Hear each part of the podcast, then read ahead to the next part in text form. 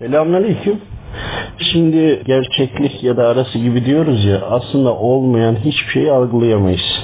Rüyalarda bile olanlar gerçektir. Ruhumuz gitmiştir, görmüştür ama cinnilerle şeytanla karşılaştıysa korkarak uyanır falan. Kabus çöktü deriz. Yahut da maneviyatla vakit geçirdiyse güzel uyanır gibi. Duyduğun seslerle ilgili uzaktan çocuk sesi diyorsun ya. Ya uzak bir yerde, oralarda çünkü sesler genelde uzaktan derinden geliyormuş gibi gelir. Daha uzaktadır. Ses geldikçe azalabilir. Biliyoruz bunu. E, haliyle ya cinliği vardır sıkıntıda ya birisi çocuk aldırmıştır cesedini uygunsuz bir yere gömmüştür. Onun sesi gelir.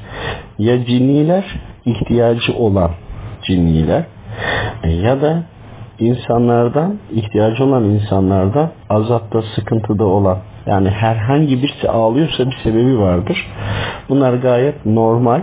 Tabi zaman içinde bizi hocalarımızın koruması olduğu için bunlar bize daha da kapatılır.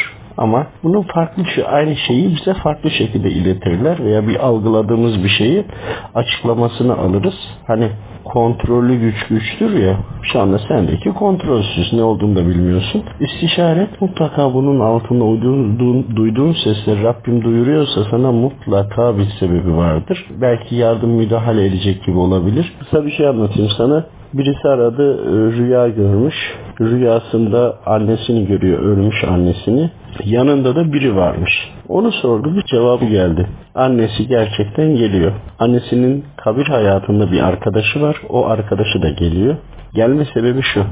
Arkadaşı burada çocukları var, evlatları var problemleri var. O oradan bildiği için kabir hayatındakiler buradakileri bilir genelde. Bildiği için çocuklarının psiko, psikiyatriyle ilgili bizim ilmimizle alakalı ihtiyacını giderebilmesi için bize rüyasını söyleyen kişinin annesine gidiyor, rica ediyor. Gece Rabbim müsaadesiyle gelip rüyasına geliyor. Sonrasında da biz yorumladığımızda insan, yaşayan, psikolojik sorunu olan birinin bilgisini aldık ve bu şekilde tedavisini yaptık.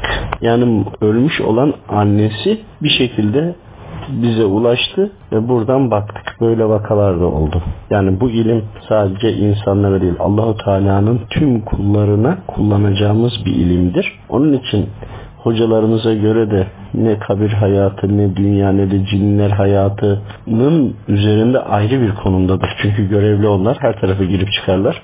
Dolayısıyla herhangi bir, bir şeyle ilgili biz sınırlıyoruz. Biz proje şeyler koyuyoruz. Ee, çizgiler çiziyoruz. O olur bu olmaz ya. Halbuki sınırları koymasak çok daha bu ilme teslim olacağız.